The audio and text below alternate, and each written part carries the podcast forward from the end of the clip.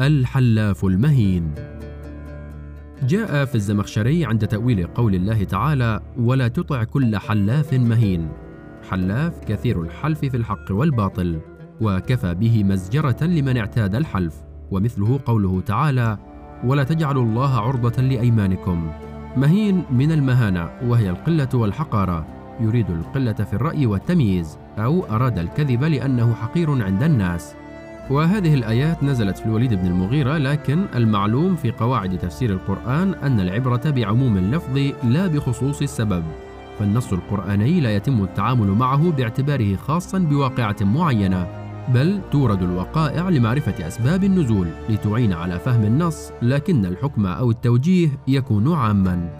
بناء على عموم اللفظ فإننا نشهد أحد من ولي أمر بلد كبير الحجم والمكانة وهو لا يتحدث إلا حالفا. ويقسم على أمانته ونزاهته وشرفه وأنه لا يهادي احدا ولا يحابي احدا.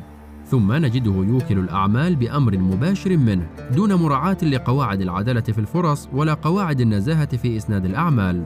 كما نجده يتخذ القرارات المرتجلة على الهواء دون مراعاة لأرزاق الناس ومعايشهم وحتى دون دراسة علمية لمردودات قراراته.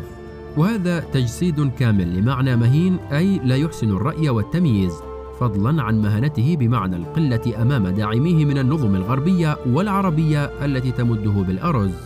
لقد أسرت من معنى قلة الرأي والتمييز الذي ساقه الزمخشري وذكره غيره من المفسرين، وكنت أفهم المهانة على معنى الحقارة فقط، لكن انضاف إليها معنى مرتبط بحقارة الرأي لا النفس، وربما أسرت لأن المثال متجسد أمامنا. تتجسد قلة الرأي والتمييز في النفقات غير الضرورية على البنية التحتية في مقابل إهمال النفقات الضرورية على الصحة والتعليم.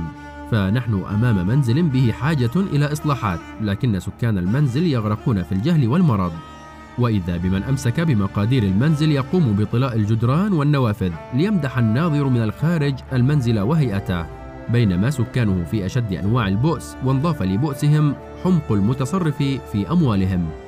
تتجسد قلة الرأي والتمييز في هدم مأوى البسطاء لأجل مشروعات البنية التحتية دون تعويضات مناسبة، إما بتقليل القيمة السوقية للعقارات أو بنقلهم إلى مساكن أضيق من المساكن التي كانوا يسكنونها، أو بعدم إعطاء تعويضات أصلاً. وعمليات الهدم تحظى بقصص لا حصر لها وللأسف لا يقدر صحفي على سبر أغوارها لأن ترخيص وكالته سيغلق قبل نشر مادته وأصبح هذا البربري يشارك الاحتلال في تعامله مع المستعمرين.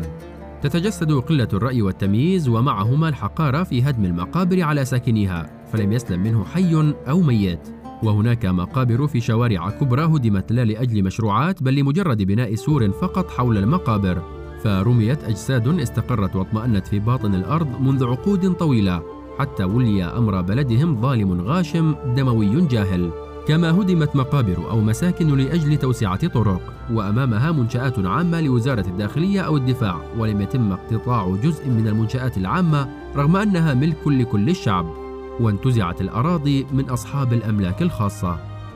تتجسد قلة الرأي والتمييز في اعتماده الدائم على استنزاف البسطاء والأغنياء ماليا ليحقق أحلام الطفولة التي لم يخرج منها بعد. فأصبحنا أمام دولة تعتمد على أكثر من ثلاثة أرباع أموال ميزانيتها من جبايتها ولا تنتج ما يجعلها دولة متطورة بحق. تتجسد قلة الرأي والتمييز في رشوة الأنظمة الكبرى الداعمة له بشراء سلاح منها دون حرب مع عدو بل هي مقدرات الشعب تنفق لأجل حاكم يبغي التشبث بكرسيه ويوجه هذا السلاح في النهاية إلى صدور المعارضين.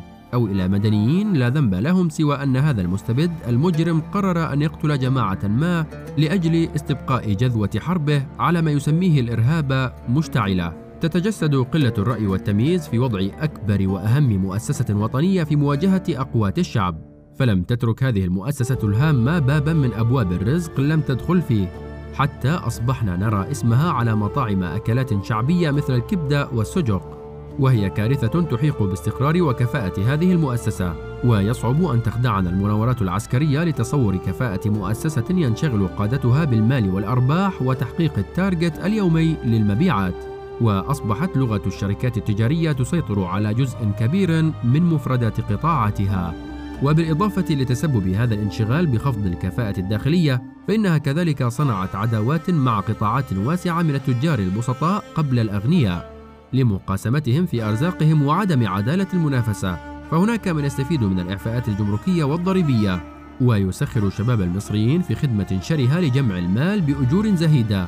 في مقابل تجار يتعاملون بأسعار السوق وتعصف بهم النفقات التجارية بدءا من الفواتير وانتهاء بالرشاوى التي تغلب على أعمال كثيرة. تتجسد قلة الرأي والتمييز في ترك الأراضي الشمالية الشرقية يدخلها العدو التاريخي للوطن. في حين أن أبناء الدم والعروبة تغلق أمامهم المعابر ويعتقل بعض الداخلين إلى الوطن المنكوب بهذا الحاكم. هذا البلد المذكور ابتلي بحاكم لا يفقه من أمور الدنيا ولا الآخرة شيئا لكنه يعتاد الحلف لتأكيد صدقه وشرفه وأمانته.